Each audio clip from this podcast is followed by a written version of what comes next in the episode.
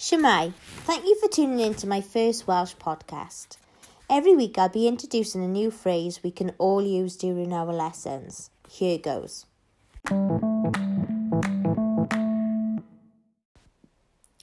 Our first phrase of the week is ysgrifennwch.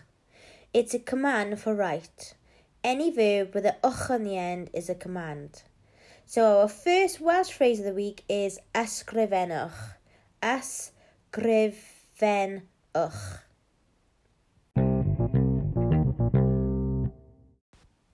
And finally, during form time, please tell pupils that they can nominate a member of staff for using Welsh.